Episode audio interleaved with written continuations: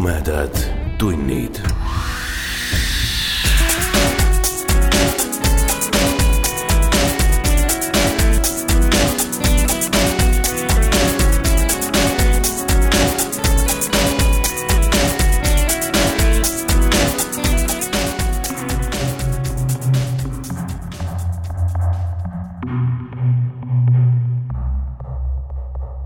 tere, hea ulmesõber sa kuuled jutuvestmis podcasti Tumedad tunnid kahekümne neljandat osa.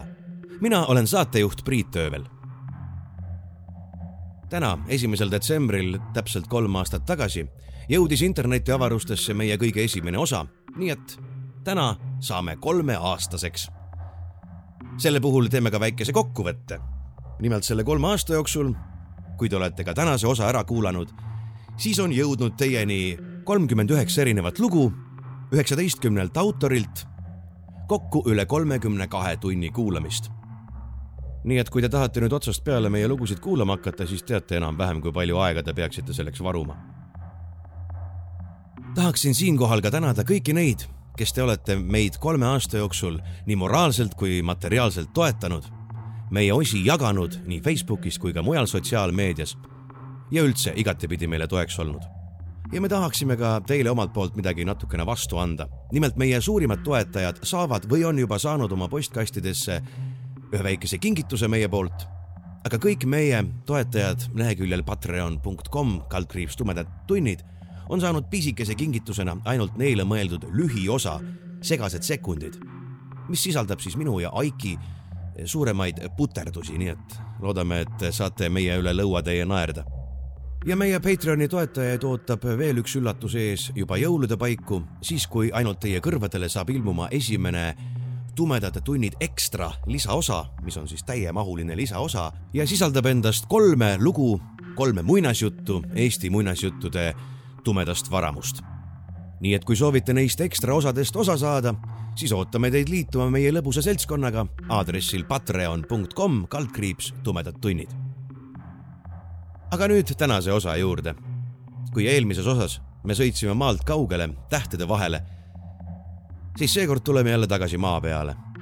Nendesse väikestesse maakohtadesse, jumalast hüljatud paikadesse, maataredesse ja metsadesse Eestimaal. sel kevadel korraldas kirjastus Fantaasia ulmejuttude konkursi. osalejaid oli palju žürii tegi oma tööd ja parimad selgitati välja. jutuvõistluse kümme parimat juttu on avaldatud ka raamatus Täheaeg number kaheksateist alapealkirjaga Ortoni isevärk ja avantüür. ja muide, seesama raamat läheb ka loosi kõigi nende vahel, kes meie Facebooki postitust edasi jagavad. tänases osas ettekandele tulev lugu jäi minu arvates veidi teenimatult esikümnest välja.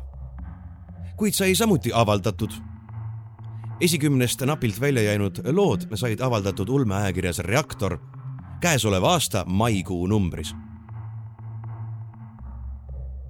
mina ja Aiki Penno loeme teile Riho Välgu salapärase loo Ainult unenäos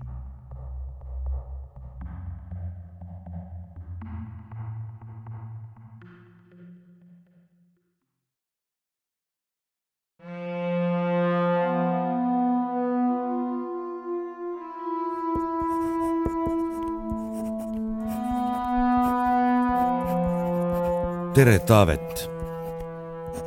loodan, et sul läheb hästi. veelgi enam loodan, et minu kiri jõuab sinuni. ma pean kellelegi kõigest sellest kirjutama, mida ma siin läbi olen elanud. see on lihtsalt liiga veider, et sellest mitte mingit märki maha jätta. ma tean, et sa oled pikalt ajalugu, rahvuspärimusi ja üleloomulikku uurinud. usun, et sa oled kõige õigem inimene, kellele see kiri kirjutada ma palun sind, et sa saadaksid selle kirja edasi.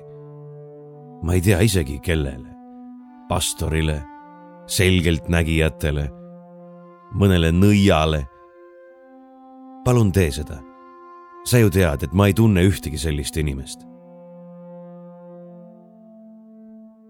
see kõik algas sellest, et mul õnnestus teha vahetuskaupa ühe kunagise kursusekaaslasega, kes oli päranduseks saanud juba mõnda aega tühjalt seisnud maamaja tema ei tahtnud linnast välja kolida. mina aga ei suutnud enam oma kahetoalises korteris olla. ma ei tahtnud enam kuulata, kuidas naabrimehed igal hommikul mu akna all oma Žiguliisid või Saksast toodud ronte ropu vandumisega käima üritavad saada.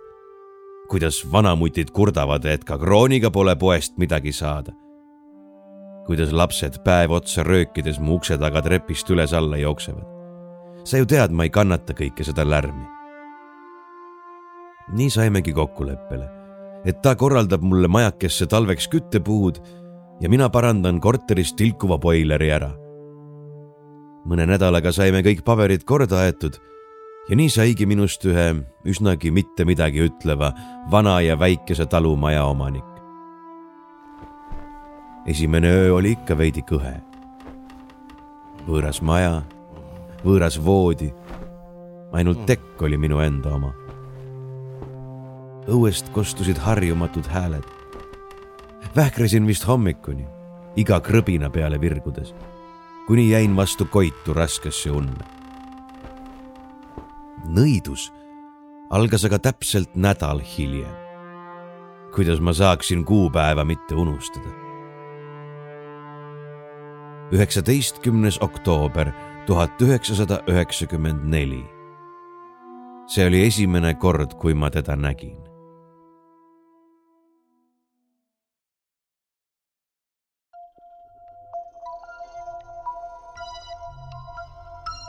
Ta tuli mu juurde unenäos. kas ei kõla see mitte romantiliselt?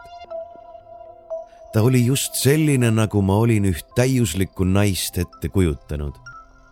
korraga kena, kuid mitte silmatorkav. sale, kuid pehmete kurvidega.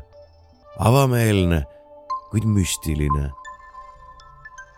nägin veidrat unenägu, kuidas kõik mu linnanaabrid olid ka maale kolinud kuid olid selle jubeda paneelmaja kaasa võtnud, selle tükkideks lõhkunud ning igaüks elas oma korteris keset põldu. kõigil olid akende ees rasked kardinad ja mitte üks neist ei liikunud õues. ta tuli mu juurde ja küsis, kas nii on siis parem, kui linnas elada. vastasin, et omaenda betoonkastis on parem elada kui betoonsahtlite virnas ta naeratas oma mitmetähenduslikku naeratust ning me hüppasime koos ühelt majakorterilt teisele. viimase hüppe pealt ärkasin võpatusega üles. järgneva paari öö jooksul ei näinud ma teda uuesti. kui ma teda nägingi, siis ei tundnud ma teda ära, sest ma ei suutnud tema nägu meenutada mu mälestused ta näost ei klappinud omavahel. käisin neljapäeval linnast sõprade juurest asju ära toomas. tühist pudi-padi, mida olin nende juurde unustanud. koju jõudmiseks pidin läbi sügisvihma kõndima. olin lõpuks koju jõudes läbi märg ja üdini külmunud. tegin endale kuuma teed konjakiga ning jäin nagu mõni vana aja aristokraat kamina ette magama sa ju tead, kui uskumatu see minu puhul on. mina ja jään lihtsalt kuskile magama. ilma, et ma mitu tundi kõigepealt lage põrnitseks ja vähkreks. ma nägin unes, kuidas mu maja ümber olid põllud. ma kolisin siia ju sügisel, kui kõik põllud olid juba koristatud ning alles olid jäänud ainult mustad porimülkad. ma olen ju linnalaps ega tea põldudest midagi kuid isegi mina sain aru, et ükski inimene ei kasvataks midagi niimoodi. põllud olid osalt triibulised, osalt ruudulised, ühel real või ühel ruudul kartulid, teisel kapsad, kolmandal jälle kartulid, neljandal vist mais. ta tuli mu juurde ja küsis, kas sellega saaks kolhoosi aastanormi täidetud. vastasin, et kolhoose pole enam kuid normid on normid. ta vaatas mulle murelikult otsa ja küsis, miks ma ära tahtsin minna. vastasin täiesti siiralt, et käisin ainult korraks linnas, paari raamatut ja puhtaid sokke otsimas. ta naeratas selle peale kergendusega ja võttis mu käe ümbert kinni. see oli esimene kord, kui me teineteist puudutasime. ta tundus nii habras, kuid tugev, jõuline, kuid õrn. ta lõhnas uimastavalt. kas sa oled unes lõhna tundnud? ma ei tea, kas ma varem olin, kuid siin ta oli. ma tundsin ta keha, ma tundsin ta peent, kuid joovastavat parfüümi saad sa aru, ma olen eluaeg poissmees olnud. Paari üksiku neiuga paar nädalat semminud. aga ma pole kunagi tundnud, kuidas mu süda tahab mul mööda rindkere üles ronida. kuidas ma punastan kui printsess muinasjutus. kuidas mu jalad muutuvad pehmeks ega kuula mu sõna, nii et ma kõndimise unustan. ma tundsin kõike seda unenäos neiuga, kelle nägu ma ei suutnud meelde jätta. Kõndisime nende veidrate põldude vahel ja lobisesime kõigest, mis unenäos võiks loogiline tunduda. ärkasin oma tugitoolis. lisaks üldisele kangusele vaevas mind aga midagi uut, igatsus kellegi järele.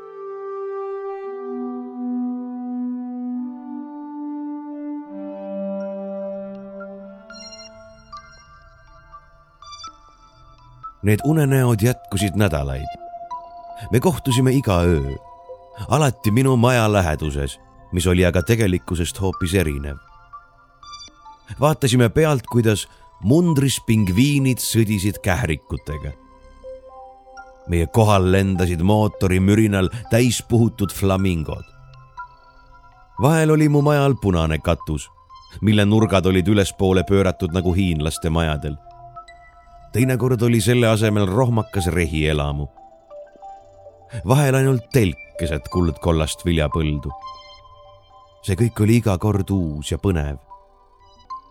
kuid veel põnevam oli see neiu, kelle nägu ega nime ma ei suutnud ärkvel oldud hetkedel meenutada. meie unenäod muutusid aina pikemaks ja detailsemaks. meie suhe aga aina intiimsemaks olime teineteisele armastust avaldanud tosinal erineval põllul, erinevates veidrates majades, aga alati ühes ja samas kohas, minu maja juures, ükskõik millisel kujul see end ka ei näidanud. vahel ma tundsin, et ma ei tahagi ärgata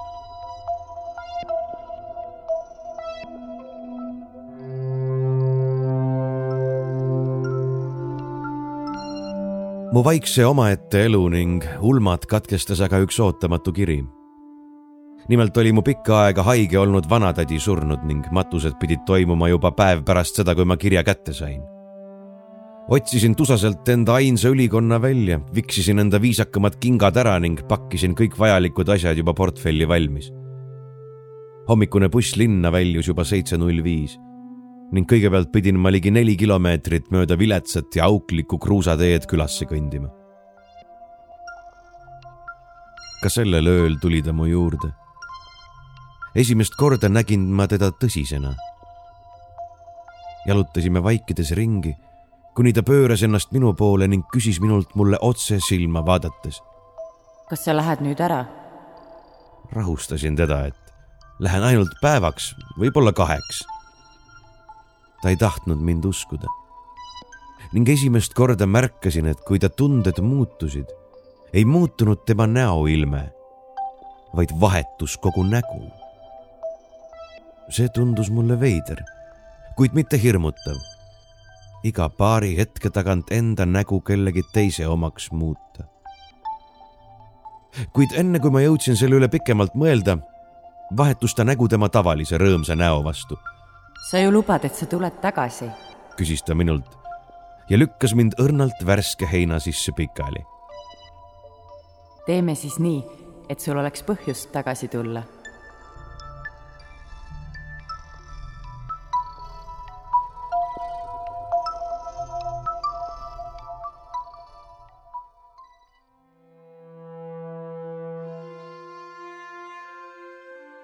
ma ärkasin hilja lootusetult hilja. hommikune buss oli selleks ajaks juba linnas. arvutasin peas kähku oma võimalusi järgmisele bussile jõudmiseks. pesin kiiruga hambad ja näo, ajasin ülikonna selga ja raskelt hingeldades jõudsin imekombel ennelõunasele bussile. matused ise olid tavapärased. surnud vanatädi, keda ma ei olnud vist kaheksa aastat näinud. palju sugulasi, keda ma polnud veelgi kauem näinud mind ei huvitanud nende elud, neid ei huvitanud minu oma. paar lähedamast sugulast kiitsid, et maaõhk on mulle hästi mõjunud. ma nägevat vähem lodev välja. mu selg olevat sirgem. ja selle asemel, et tuimalt enda ette vahtida, olevat esimest korda elus mu silmades huvi ja kirge millegi vastu. et äkki saab minust isegi veel asja. tänasin neid selle komplimendi eest ei vaevunud sellisest sõnastusest solvumagi. sest mu mõtetes oli ikka mu unenäo kaaslanna. jäin ööseks oma ema diivanile. tegelikult ei olnud me pärast seda, kui ma ülikoolist välja kukkusin, üldse pikemalt rääkinud. ka tema jutt oli samasugune, mis teistel sugulastel. ka tema oli ammu usu minusse kaotanud kuid maaelu olevat minusse eluvaimu tagasi sisse toonud. ja siis ütles ta midagi, mis pani mu mõtte liikuma. poja, sa pole meil ju kunagi normaalselt maganud. alguses lugesid poole ööni raamatuid ja pärast vähkresid tundide kaupa unetult. aga vaat maaelu on ihu ja vaimu erksaks teinud. kohe näha, et inimene magab öösel õiglast und tabasin esimest korda, et olin iga õhtu varakult magama läinud. vahel isegi üheksakümne vahel juba. ning maganud iga öö vähemalt kümme tundi, tihti isegi kaksteist tundi. võrreldes alles mõne kuu taguse paaritunnise katkendliku vähkremisega oli see tõesti tohutu erinevus. nagu ma ütlesin, ööbisin ema diivanil vähklesin ja rabelesin varajasti hommikutundideni. andsin kell kuus hommikul alla. tegin endale kannutäie kanget kohvi, mõned võileivad. ootasin, kuni ema ärkas. einestasime koos ning suundusin kodu poole. kodutee möödus kui deliiriumis.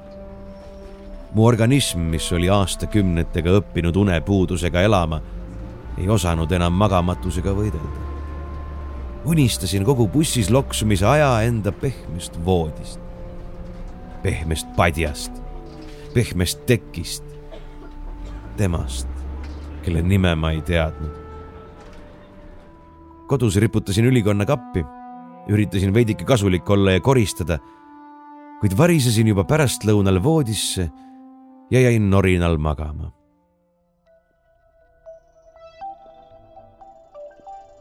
sa tulidki tagasi. ma ikkagi kartsin, et sa valetasid mulle. Taavet, kas sa tead, mille järgi sa saad aru, et tegemist on unenäoga? sa ei mäleta kunagi, kuidas ja miks sinna said. sa lihtsalt oled korraga keset oma unenägu. aga seekord ma mäletasin. mäletasin, et olin matustel käinud, koju jõudnud ja magama jäänud. ja nii kui ma uinusin oli ta mu ees ning vaatas mulle nõudliku pilguga otsa. seekord ei olnud ruudulisi põldusid ega ülespoole pööratud katusenurkasid. olime minu majas, minu elutoas. siiski teadsin, et ma magan. ta langes mulle kaela ning taaskord joovastusin ma tema aroomist. Ma tundsin selgelt, et ta oli mind igatsenud mind tagasi tahtnud. armatsesime kirglikult sealsamas diivanil kamina ees. luba mulle, et sa ei lähe enam mitte kunagi ära. sosistas ta mulle kõrva. taaskord nägin, kuidas ei vahetunud tema näoilmed, vaid tema terve nägu. kuid mul oli sellest ükskõik. lubasin mitte kunagi ära minna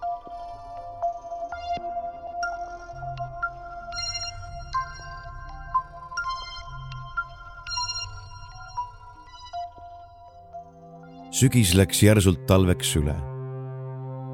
kogu maa mattus valge vaiba alla ja kui ma oleks inimestega suhelnud, oleksid nad kurtnud, kuidas ükskõik kuhu minek on raske ja vaevaline.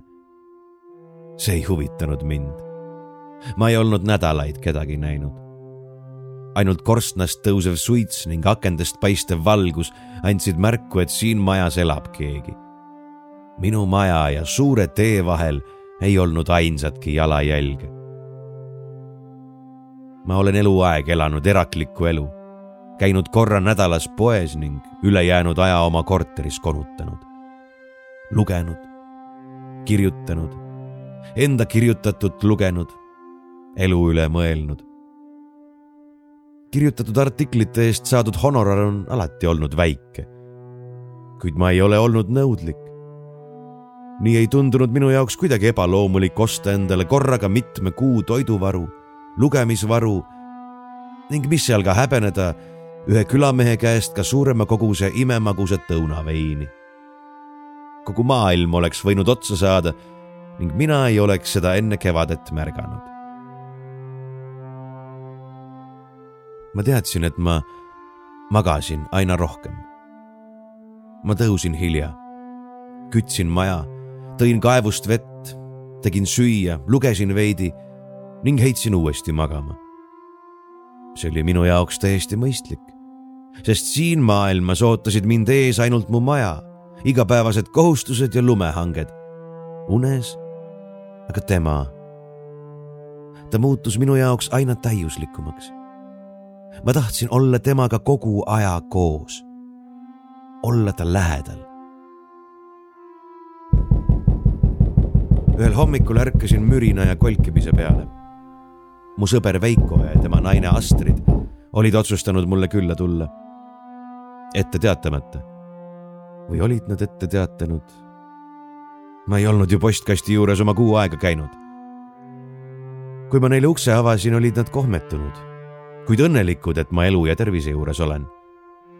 Nad olid vallamajast minu järgi küsinud leidnud mu postkastist kümmekond kirja ning ilmselgelt märganud, et kogu minu maja ja suure tee vaheline kruusatee oli seda ümbritsevast põllust eristamatu. algul olid nad suure tee pealt lausa valest kohast maha pööranud. Õnneks ei olnud Veiko nelikveoline niiva kuskile kinni jäänud. mu ema olevat minu pärast mures olnud. ta oli uskunud, et linnas ma ikka kuidagi hakkama saan, aga maal olen ma ju ihuüksi ja kui tema kirjadele vastust ei tulnud, siis oligi ta Veikot ja Astridi palunud, et nad mind vaatama tuleks. Astrid ulatas mulle paki kirjasid, mis mu postkasti olid kogunenud. lubasin neid veel samal õhtul lugeda. samuti palusin neil emale edasi öelda, et minuga on kõik hästi. istusime köögilaua taga ja jõime kohvi, kui avastasin, et Astrid on mind pikalt kavalalt vaadanud sul on siia vist pruut tekkinud. näost on kohe näha. olin segaduses. kui paar külataati välja arvata, ei olnud ma pikka aega ühegi inimesega isegi rääkinud. rääkimata siis mõne naise leidmisest. ajasin süüdistused kohe tagasi, põhjendusega, et keda mul siit kolkast ikka leida oleks kuuekümnendates Lüps ja Mali oli ainus vaba ja vallaline daam mitmekümne kilomeetri raadiuses. aga Astrid ei uskunud mind ning muheles, et küll tema neid naiste asju juba teab. ja et kui ma ei taha oma suurt saladust talle rääkida, siis ärku ma rääkigu.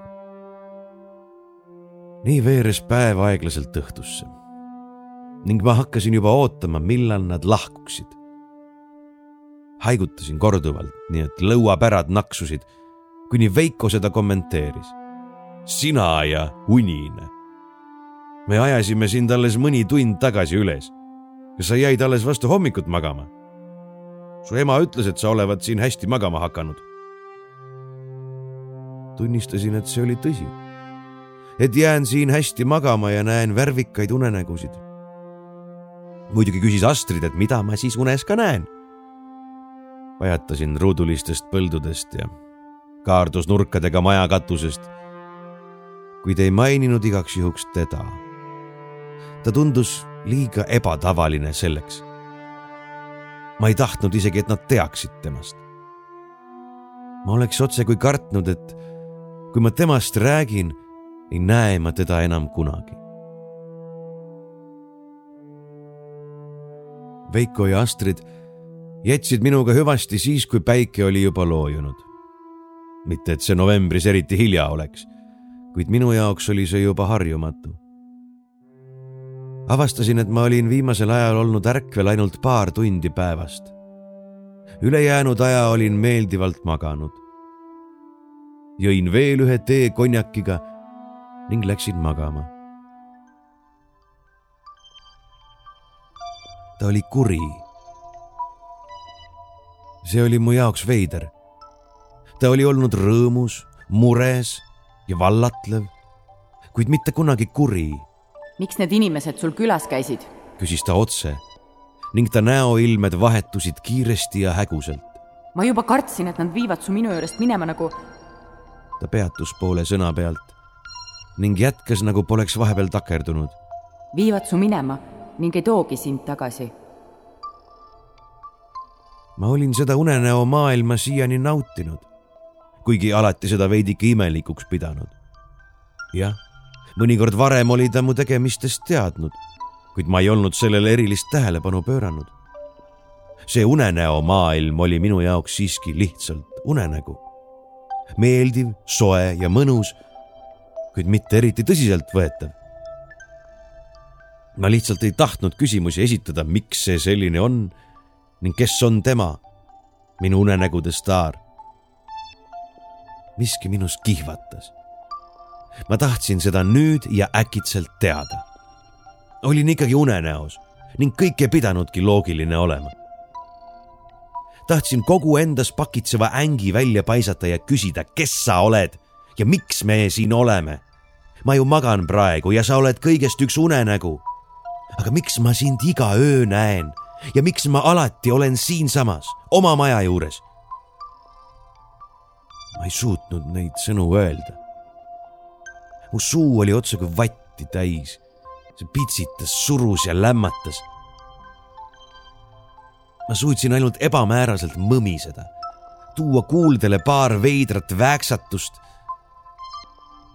siis kogu unenäo maailm jõnksatas, värises ja kuhtus iseendasse ma langesin keerisesse, milles oli rohkem mõõtmeid, kui ma tajuda suutsin ning ärkasin rapsakuga. jõllitasin voodist enda toa nurka ja hingeldasin. jah, ma olin alati olnud õrna unega, kuid kunagi ei olnud ma hirmu ja ehmatusega ärganud. kell oli neli hommikul ma olin viimati nii ärkvel olnud linnas elades. alles sellel hetkel tabasin, et kogu siin oldud aja oli mind saatnud magus rammestus, mis paneb hommikul ringutades liigeseid naksuma ja tekitab õhtul tahtmise end teki sisse kerra tõmmata. nüüd olin ma korraga närviline, tige ning ei suutnud paigal istuda vaatasin pahuralt raadiot, mis ei tahtnud lainel püsida, vaid kippus ragisema.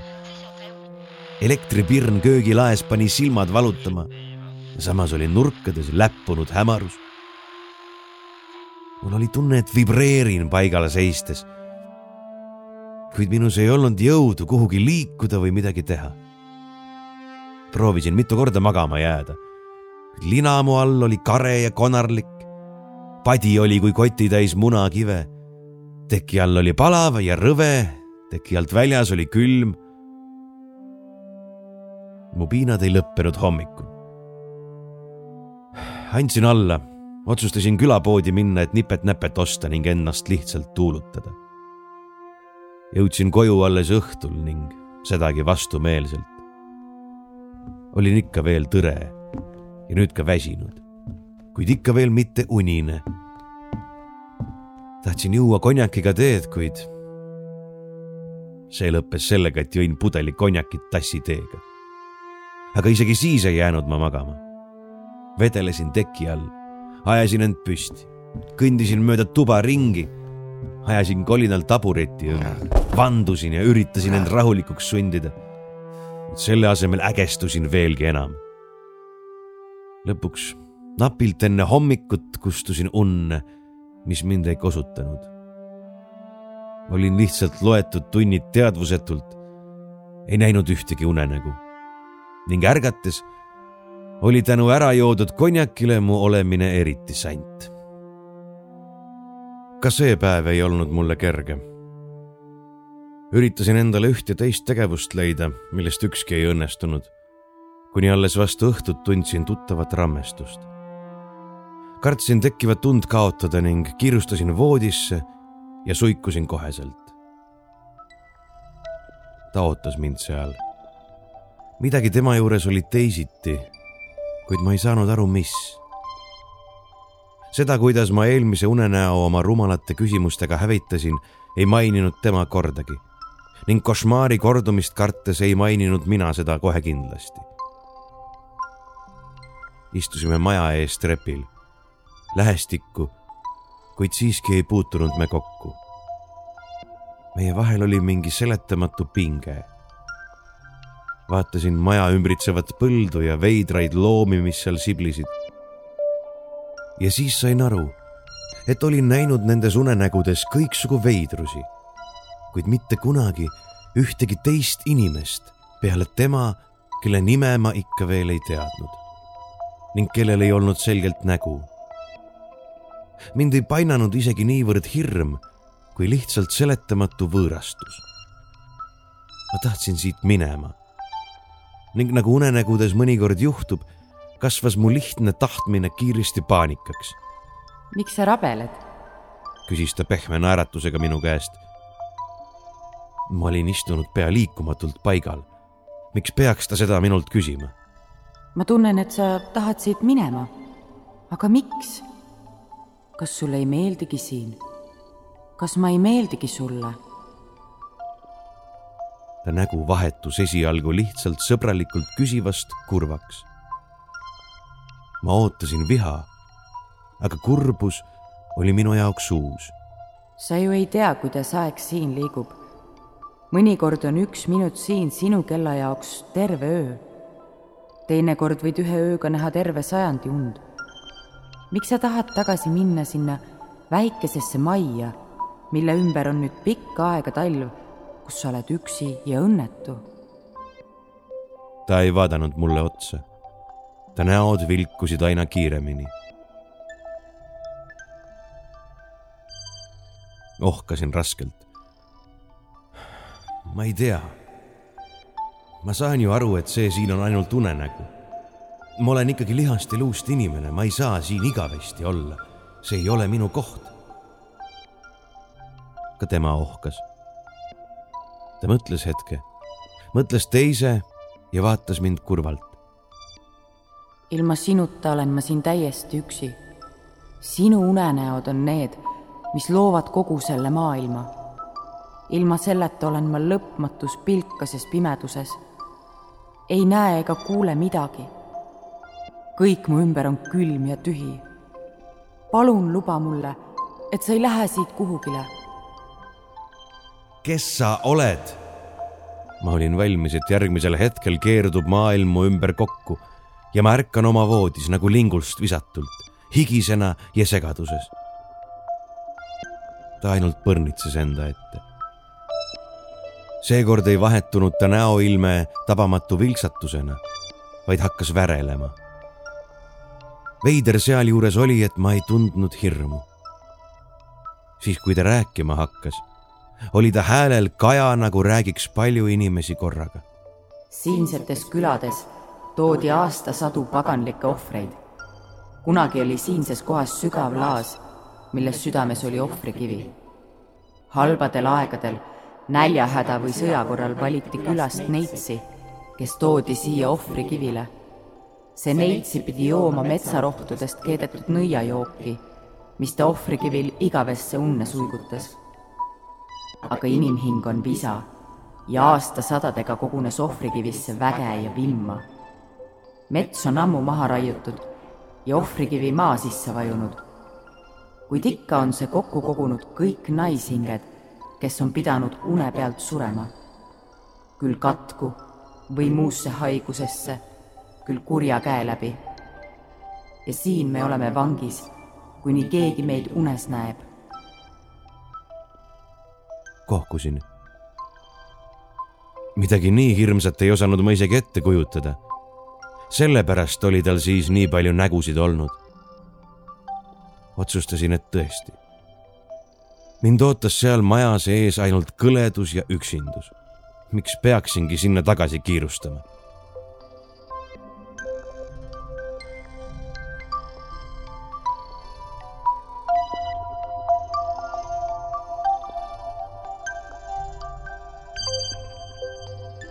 See oli mu elu kõige õnnelikum aeg. elasime aastaid koos siinsamas väikeses majakeses. aastaajad vahetusid, põldudel kasvasid naljakad viljad ja mööda meie õue jooksid veidrad loomad. jõudsin juba arvata, et see võib lõpmatuseni kesta, kuni kaotasin täielikult ajataju, mis mind tasapisi muretsema pani ja lõpuks pea paanikasse viis. jah, kes keelab meil unenäos elada terve inimese eluea? me võiksime ju pealt vaadata, kuidas kihutavad mööda sajad aastad, kuidas tsivilisatsioonid sünnivad, õitsevad ja lagunevad kuid mida rohkem aeg edasi läks, seda rohkem hakkasin mõtlema enda keha peale, mis magas ikka veel majas, mille välisukse vahelt tuisk lund esikusse pressis. hakkasin kartma, et kui ma peagi ei ärka, külmun ma lihtsalt surnuks. siis ma tegin saatusliku vea. ma ütlesin talle, et mul on vaja üles ärgata. lihtsalt, et süüa, juua ja maja kütta. ei midagi rohkemat. lubasin kohe varsti tagasi tulla. ilmselgelt ei olnud ta selle nõudmise üle õnnelik. tükk aega mossitas ta sõnatult, kuni lõpuks ütles vaikselt, halvasti varjatud vihaga. mine siis, aga luba, et tuled tagasi. lubasin kõige nimel, mille nimel lubada sain ning ärkasingi oma toas olin ärganud vist viimasel kriitilisel hetkel. jooksin nii kiiresti, kui mu kanged jalad suutsid kemmergusse ihuhädasid leevendama. siis jõudis mulle kohale hirmus janu ja nälg. Alles seejärel sain aru, et mu tuba on külm kui hundilaut ning hakkasin üle keha värisema. mu sõrmed ei paindunud ja käed värisesid, kui üritasin ahju tuld teha, nii et murdsin pea poole doosi tikke, enne kui leek püsima jäi mu enesetunne oli kohutav ja läks aina hullemaks. valutasin üle terve keha. mu pea kumises ja mõtted liikusid nürilt ja laisalt. Raadios räägiti juba uuest aastanumbrist, aga ma ei teadnud, millal ma olin magama heitnud. kuid see tundus olevat juhtunud mitte lihtsalt eelmisel aastal, vaid otse kui eelmises ajastus. Taavet tead, millega ma ei olnud arvestada osanud? linnalaps, nagu ma olen. kõiksuguste hiirte ja rottidega. konservid olid kõik muidugi puutumata, kuid kõik makaronid, jahu, tatar ja muu oli sahvrist kas ära söödud või söömiseks kõlbmatuks muutunud. pesin ühe turistieine konservi puhtaks, soojendasin seda pliidil ja mugisin mõnuga soolast ja rasvast liha pärast paastu, mida ma ei olnud just vabatahtlikult teinud, maitses see oivaliselt. kuna olin ärganud enne kukke ja koitu ning õues oli alles ennelõuna, otsustasin, et pean vaatamata jubedale roidumisele külasse kõndima ning oma toiduvarusid täiendama. kui ma peaksin veel korra mitmeks päevaks magama jääma ning näljasemalt kui talvine hunt ärkama, siis tahaksin midagi rohkemat kui soojendatud konservi mu teekond külla oli pikk ja vaevaline. olin jäänud lodevaks ja nõrgaks. pidin iga paarisaja meetri järelt puhkama, kuni tundsin, kuidas karge talveõhk minusse eluvaimu tagasi tõi. Õnneks oli maas ainult õrn lumekirme ja ma ei pidanud läbi hangede sumpama. kõige suurem häda tabas mind aga just siis, kui olin poest kõik vajaliku ära ostnud ning poest välja astudes libastusin trepil õnnetult. mu jalast käis läbi terav raksatus ning valujutt tahtis silme eest mustaks võtta. Seda pealt näinud sama külamees Ants, kellelt olin õunaveini ostnud, ei kannatanud mingit vastuvaidlemist ning pakkis mind poolvägisi enda Moskvitši ja sõidutas rajooni haiglasse. sealsed arstid tuvastasid mul hüppeliigese nikastuse ja mu jalg paistetas üsna siniseks ja koledaks. palju rohkem tegi neile muret aga minu üldine seis Nende arust olevat minu puhul näha rasket kehvverelisust, vitamiinipuudust ja alatoitumist. Nad olid lausa nii mures, et keelasid mind koju minemast ning käskisid paariks päevaks haiglasse jääda. muidugi vaidlesin ma sellele vastu, kinnitades, et kui Ants mind autoga koju viib, saan endaga ise hakkama. kahjuks päädis mu tiraad sellega, et üritasin otsustavalt püsti tõusta. silme ees hakkas virvendama toetasin kogemata viga saanud jalale ja kukkusin täies pikkuses põrandale pikali. sellega oli minu edasine saatus määratud ning mind viidi palatisse, kus olin täiesti üksi. peale minu olevat kogu haigla peale sünnitusosakonnas üks proua, kes pidi kohe-kohe sünnitama hakkama. rohkem patsiente hetkel sees ei olnud. õde torkas mulle kanüüliveeni, kinnitas tilguti vooliku käskis puhata ja jättis mind üksi. ma ei saa salata. tundsin ennast tõesti räbalalt. kuid mitte niivõrd füüsiliselt kui vaimselt. ma ei olnud sellest vahepeal arugi saanud, kuid olles nüüd tagasi teiste inimeste keskel, sain aru, et vaatamata oma üldisele eraklikule eluviisile olin teistest inimestest ikkagi puudust tundnud see nimetu neiu, kellega olin unenägudes aastaid koos veetnud, tundus minu jaoks äkitselt võõras, isegi hirmutav. otsustasin, et pean oma mõtteid koguma ja veidi aega eemal olema. kolm päeva hiljem öeldi mulle, et mu verepilt on jõudsalt paranenud ning mulle anti viisakalt märku, et võiksin koju minna. üheks faktoriks oli kindlasti, et puhkenud oli gripihooaeg ning äkitselt olid arstidel ja õdedel käed-jalad tööd täis. otsustasin, et ei ole enda metsamajja naasemiseks valmis. Õnneks olin kaasa võtnud piisavalt raha ning sõitsin bussiga ema juurde. bussijaamast koju lonkamine võttis küll tükk aega, kuid hakkama ma sain. ema oli mind nähes lausa kohkunud alles vähe aega tagasi oli ta rõõmustanud, nähes mind maa-õhust kosununa ja energilisena. nüüd ma lonkasin ja nägin räsitud välja. kaks nädalat läks aega, enne kui ema soostus mind minema laskma. mu jalg tegi mulle ikka veel käimisel haiget, kuid mitte nii palju, et ma poleks suutnud külast koju kõndida. kõik need kaks nädalat olin ma pikalt järgi mõelnud ja ka emale kurtnud, et tegelikult ei meeldi mulle seal majas elamine. see olevat ikkagi liiga üksik, liiga tühi, aga kuidagi vaimu närvutav. ema kiitis mind aususe eest, teadmata, millist taaka ma varjan ning pakkus välja, et kuni maja müümiseni või ümbermõtlemiseni võin oma lapsepõlvetuppa tagasi kolida. ilmselgelt ei maganud ma ei haiglas ega ka ema kodus ühtegi ööd rahulikult kuid ma harjusin sellega uuesti. mida rohkem ma harjusin, seda võõrastavam tundus mulle ainuüksi mõte pikka aega järjest magada. nii otsustasingi minna tagasi sinna majja, pakkida enda asjad ja lahkuda, kuid mitte hüvasti jätmata. olin turult ostnud endale aparaadi, mida ei olnud elus vajanud, äratuskella olin müüjale valetanud, et olen raske unega ning palunud kõige kõvemat häält tegeva variandi. otsustasin igaks juhuks kasutada ka Agu Sivka raamatust meelde jäänud õpetust ning tõstsin äratuskella suure plekkkausi sisse, mis pidi plärisemist omakorda võimendama. ohkasin ning valmistusin temaga kohtumiseks. kütsin oma maja üsnagi soojaks kuid veidral kombel oli mul voodis ikkagi külm mistõttu tõin endale kapist mitu sooja vatitekki. suikusin unne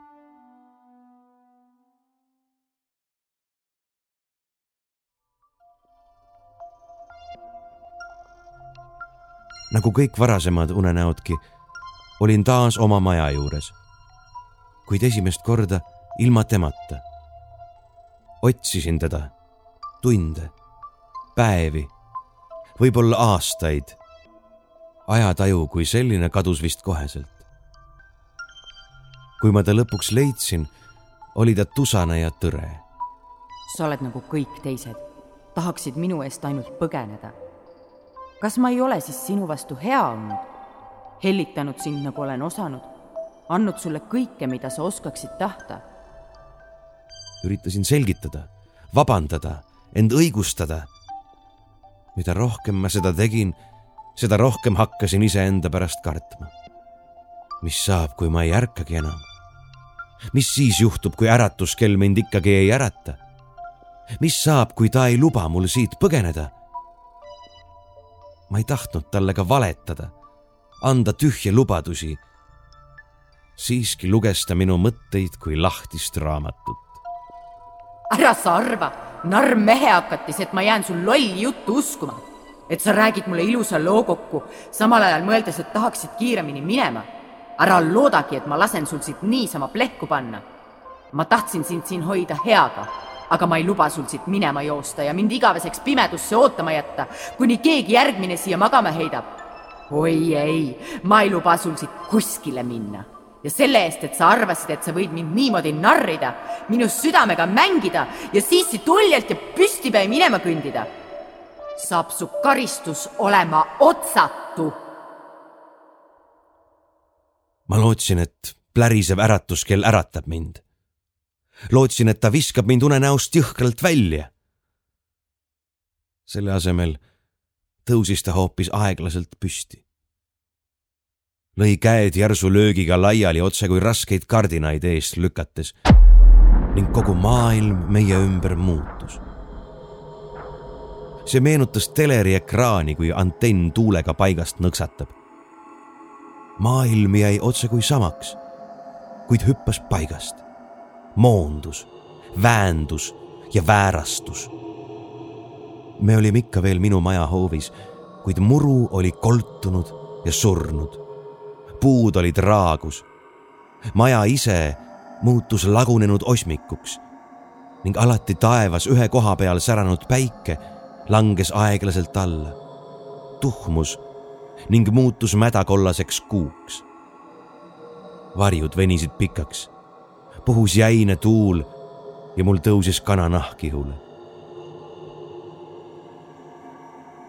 igaühel meist on oma hirmud, suuremad ja väiksemad. mulle meeldivad ämblikud, kes toanurkadesse võrkusid koovad. Aga kardan hirmsasti herilasi.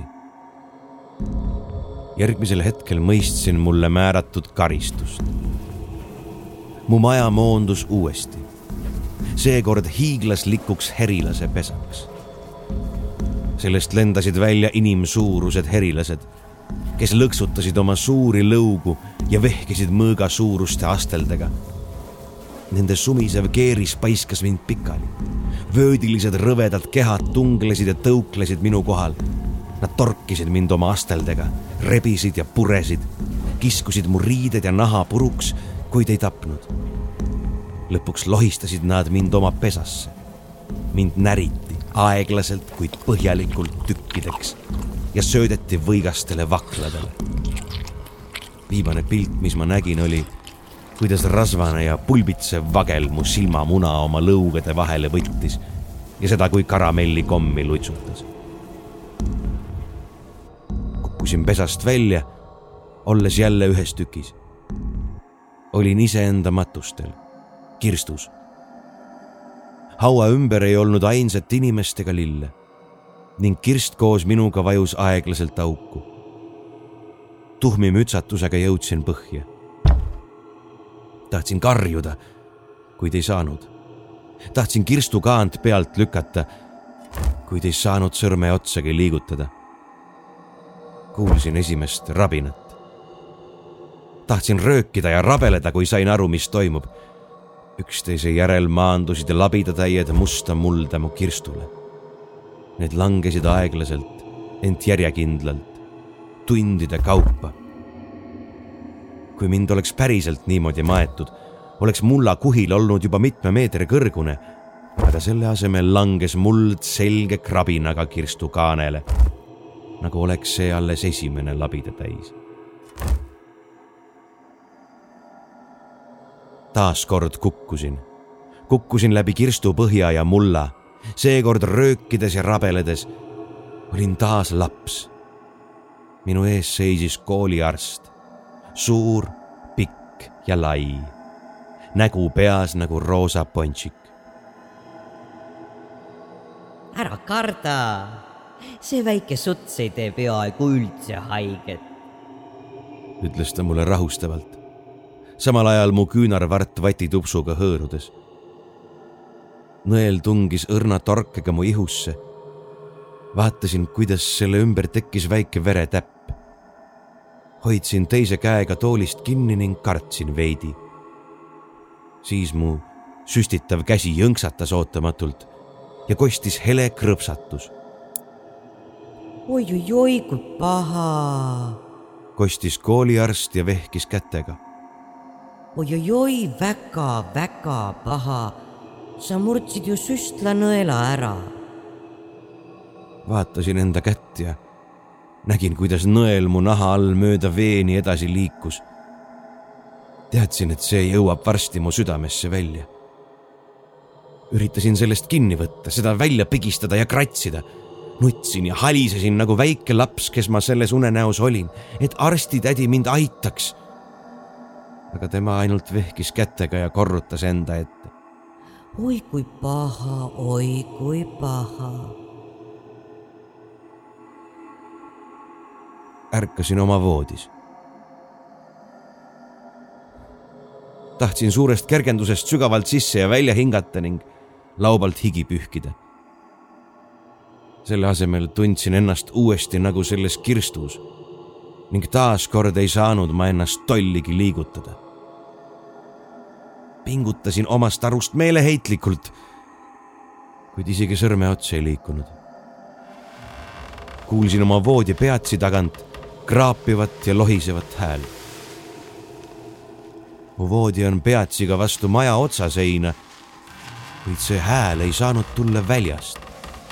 see kostis liiga lähedalt, liiga selgelt vormitu must kogu voogas mu peatsi kõrval seina seest välja.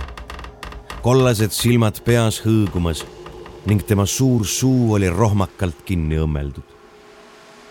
See elukas keris ennast mu rinnale istuma. selle ümar, kuid vaevu inimlik pea lähenes aeglaselt mu näole, kuni ta kollased silmad olid minu omadest ainult mõne sentimeetri kaugusel. nii ta põrnitses mind tükk aega liigutamata, isegi hingamata. siis üritas see midagi öelda, kuid õmmeldud suust tuli välja ainult mõminat. Endalegi üllatuseks suutsin talle vastu mõmiseda, nagu oleks ka minu suu kinni õmmeldud. järgmisel hetkel olin mina see tont ning jõllitasin omaenda paanikas nägu seekord karjusime mõlemad.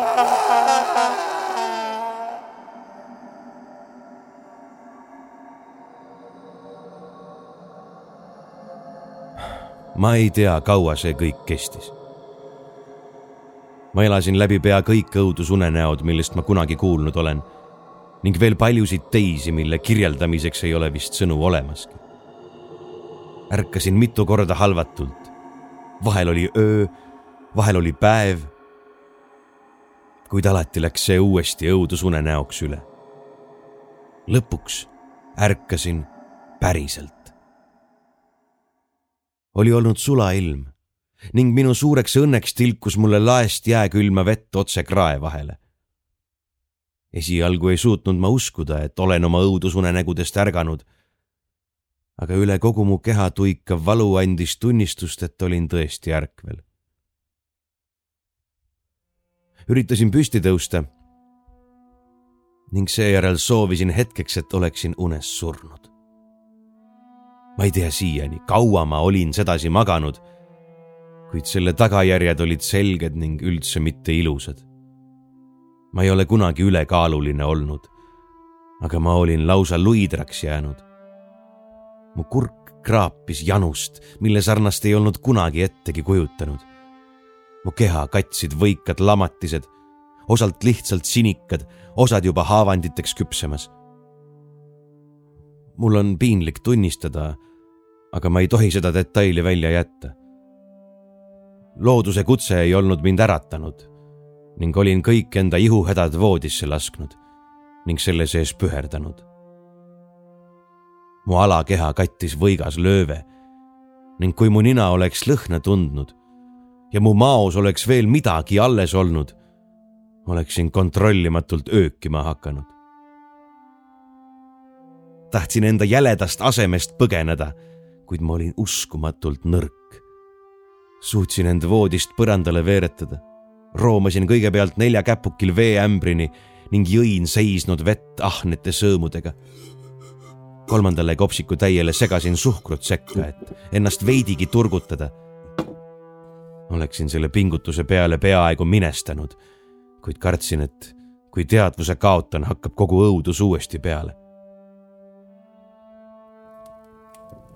mõned tunnid hiljem olin suutnud ahju tule süüdata ja värisesin selle ees.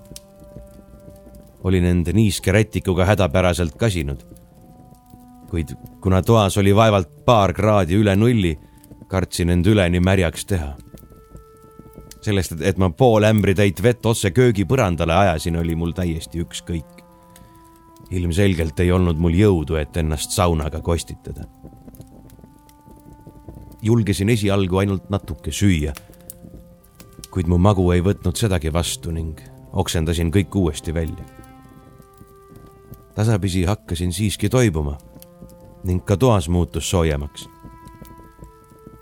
sain ennast lõpuks pliidil soojendatud veega iseenda mustusest puhtaks pesta ning puhastasin oma haavandeid puskariga. elektrit ei olnud. raadio ei hakanud ka taskulambist võetud patareidega tööle ka seinal olev kell oli peatunud. plekkkausis olnud äratuskell oli ammu end tühjaks plärisenud ja maha käinud. sula oli vist tulnud ainult korraks. õues lõõtsutas tärkav lumetorm ning päike oli juba metsa taha vajumas. mul ei olnud õrna aimu isegi, mis kuu olla võiks. teadsin, et ilma vett joomata sureb inimene kahe nädalaga. kuid ma olin kogu aja maganud kui ainevahetus on aeglasem. äkki olin ma kuu aega maganud, rohkemgi. otsustasin, et pean kõik endaga juhtunu kirja panema, sest mu tervis ei ole seda katsumust hästi üle elanud. tahan siit iga hinna eest minema saada. kuid suutsin vaevu endale kaevust vett tuua. plaanin öö otsa puhata ja hommikul uuesti proovida loodan, et äkki jääb torm hommikuks järgi ning jõuan kuidagi külani. ilmselgelt ei kavatse ma mingil juhul magama jääda. kardan isegi tugitoolis istuda. selle asemel istun tabureti otsas lootuses, et kui ma peaks tukkuma jääma, kukun lihtsalt taburetilt maha ja ärkan selle peale üles. mul on sahvris konserve. kui mu magu ainult toitu vastu võtaks. mul on veel pool pakki kohvi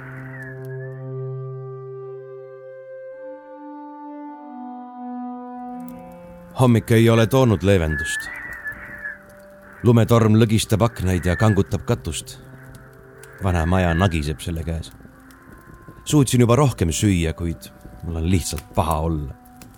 kõik mu luud, liigesed, lihased, närvid ja meeled valutavad. mu organism võitleb iseendaga. olles otsekui teadlik, et ma olen liiga palju maganud kuid oskab selle lahenduseks välja pakkuda, et ma peaksin ehk veel veidi magama. ärkvelolek muutub aina raskemaks. tahan teha endale kanget kohvi, kuid mul on alles jäänud ainult veerand pakki. kardan, et kui see otsa saab, uinun püsti jala pealt.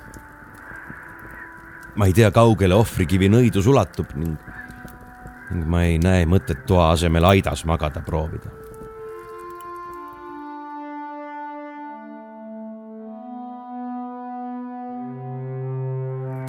ma ei suuda enam. ma kardan magama jääda. kardan temaga uuesti kohtuda ning seekord igaveseks unenägudesse lõksu jääda. olen nüüdseks suutnud kolm ööd ja päeva ärkvel olla, kuid tunnen, et ei jõua varsti enam kui tunnen, et ma enam ei suuda ärkvel olla, siis mul on veel üks pudel puskarit. Üritan selle kiiresti ära juua ning unenägudeta unne kustuda. proovisin täna uuesti külasse jõuda. õues möllab ikka veel lume ja lörtsitorm.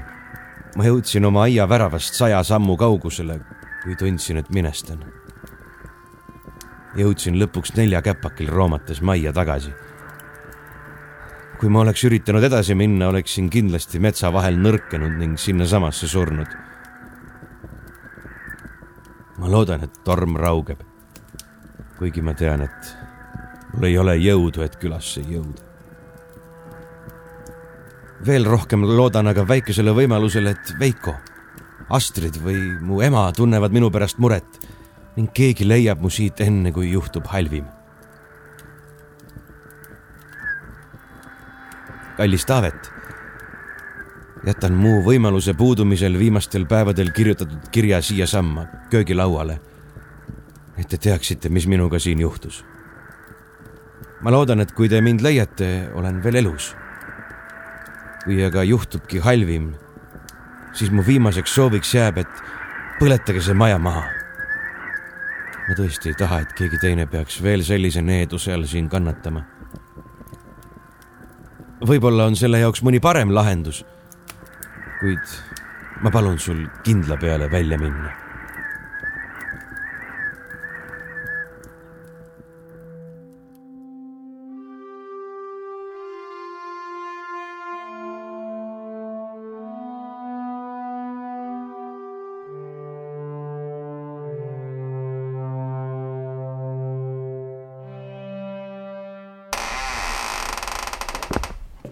Politseinik ei pidanud ust isegi maha murdma. see ei olnud lukus. jäljed, õigemini nende täielik puudumine ümber maja, tähendas, et keegi ei olnud selle ümber liikunud nädalaid, kui isegi mitte kuid. kodaniku lähedased ei olnud temast juba tükk aega midagi kuulnud. niigi erakliku eluviisiga noormehe kohta ei olnud see midagi ebatavalist.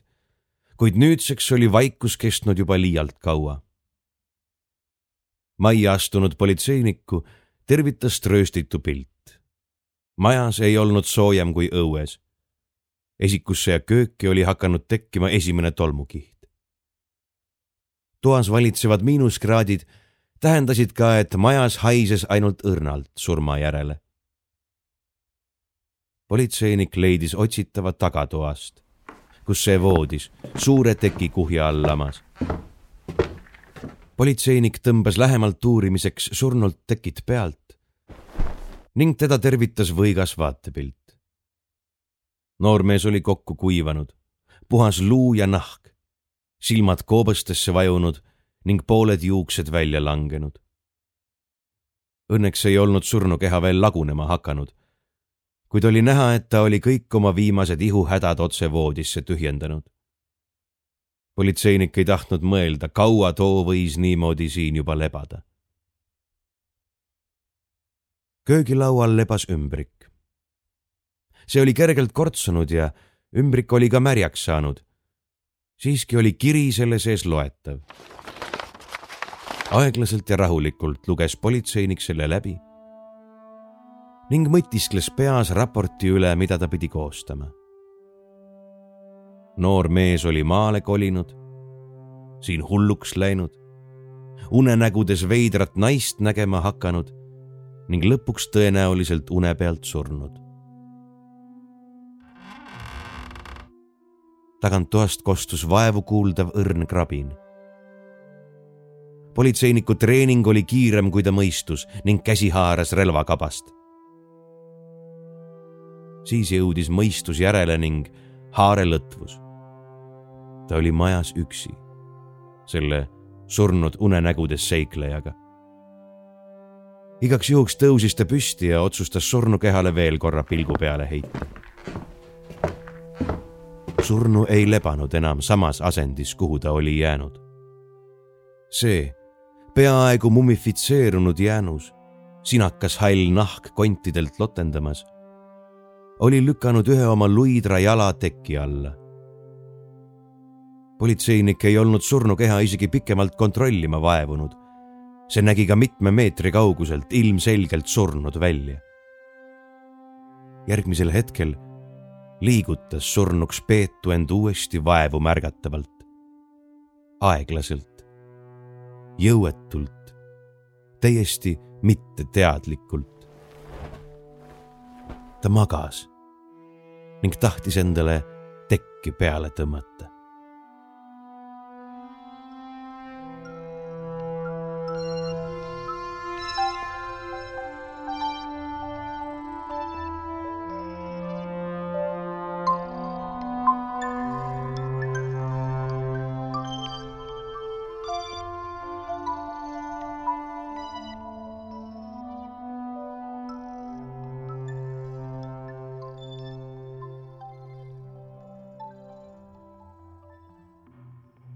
Ja ongi tänaseks kõik. Te kuulsite Riho Välgu õudusjuttu ainult unenäos. lugesid Priit Öövel ja Aiki Penno. kohtume taas siis, kui päevad hakkavad juba pikemaks minema